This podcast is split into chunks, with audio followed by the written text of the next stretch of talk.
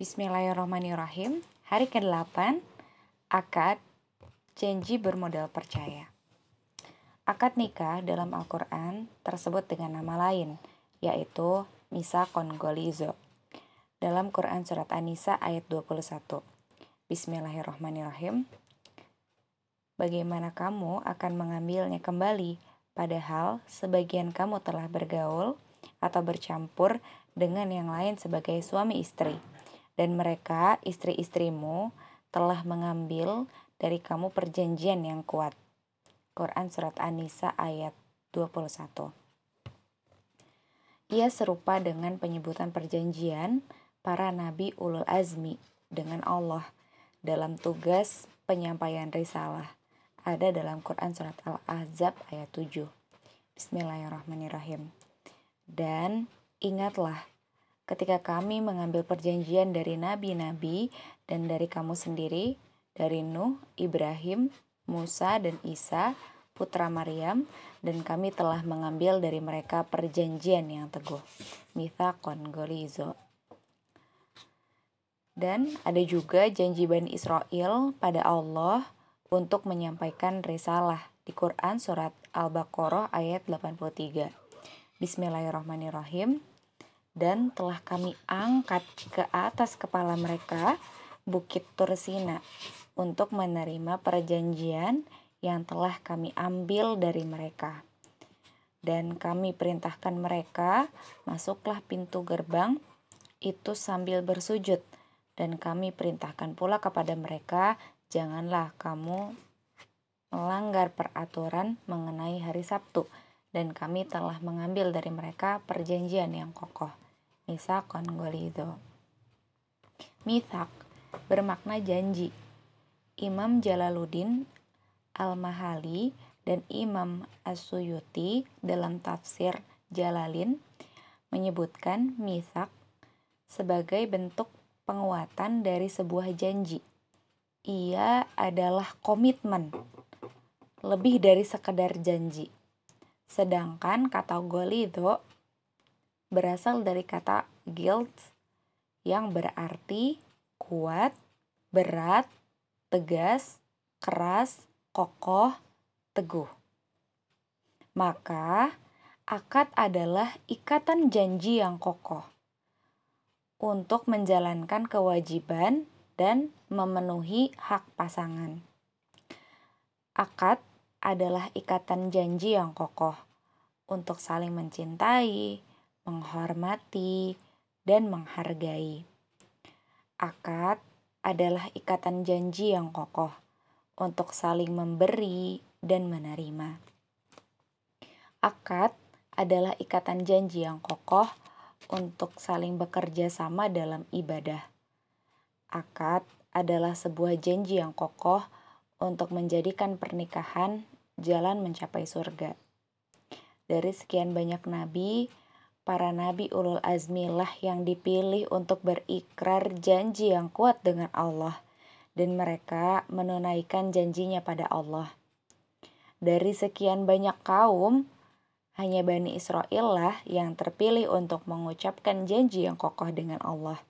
Namun, pada akhirnya mereka yang berkhianat atas janjinya sendiri. Demikian dengan mereka yang menikah atas nama Allah dan dengan kalimat Allah. Bisa jadi waktu ini kita yang dipilih Allah untuk mengucap atau mengucapkan perjanjian yang kokoh itu dari sekian banyak manusia di dunia. Lantas, tugas berikutnya, apakah kita mampu menentaskan janji kokoh ini hingga akhir hayat? atau sebaliknya, kita yang akan mengkhianati perjanjian ini. Terkadang, akad ini terucap saat hati belum mencintai, entah keduanya belum saling mencintai atau salah satunya belum mampu mencintai. Memang bukan kondisi yang ideal, namun bukan berarti itu semua yang, sepe yang sepenuhnya salah.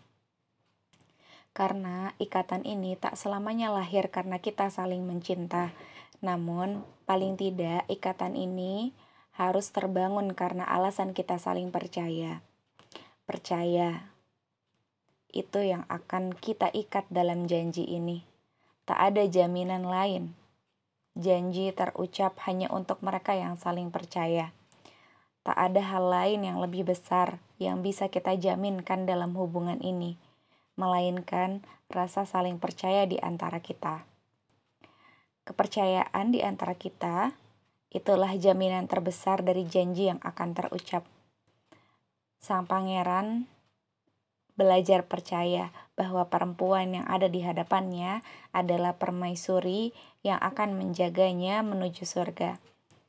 Sang putri mencoba percaya bahwa lelaki di hadapannya adalah raja yang akan membimbing dan menuntunnya membuka pintu surga. Apa jadinya ikatan janji yang terucap tanpa ada rasa saling percaya?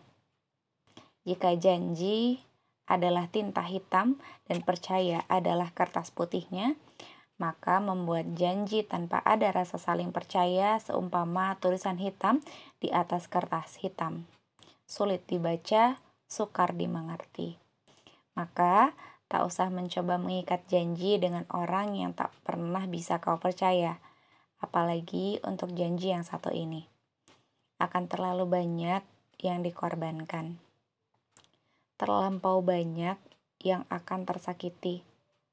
Jika mereka yang awalnya saling percaya,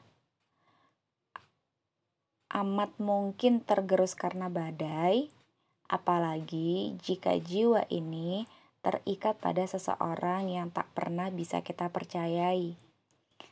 Tak mengapa belum ada cinta, asal jangan ada rasa tak percaya.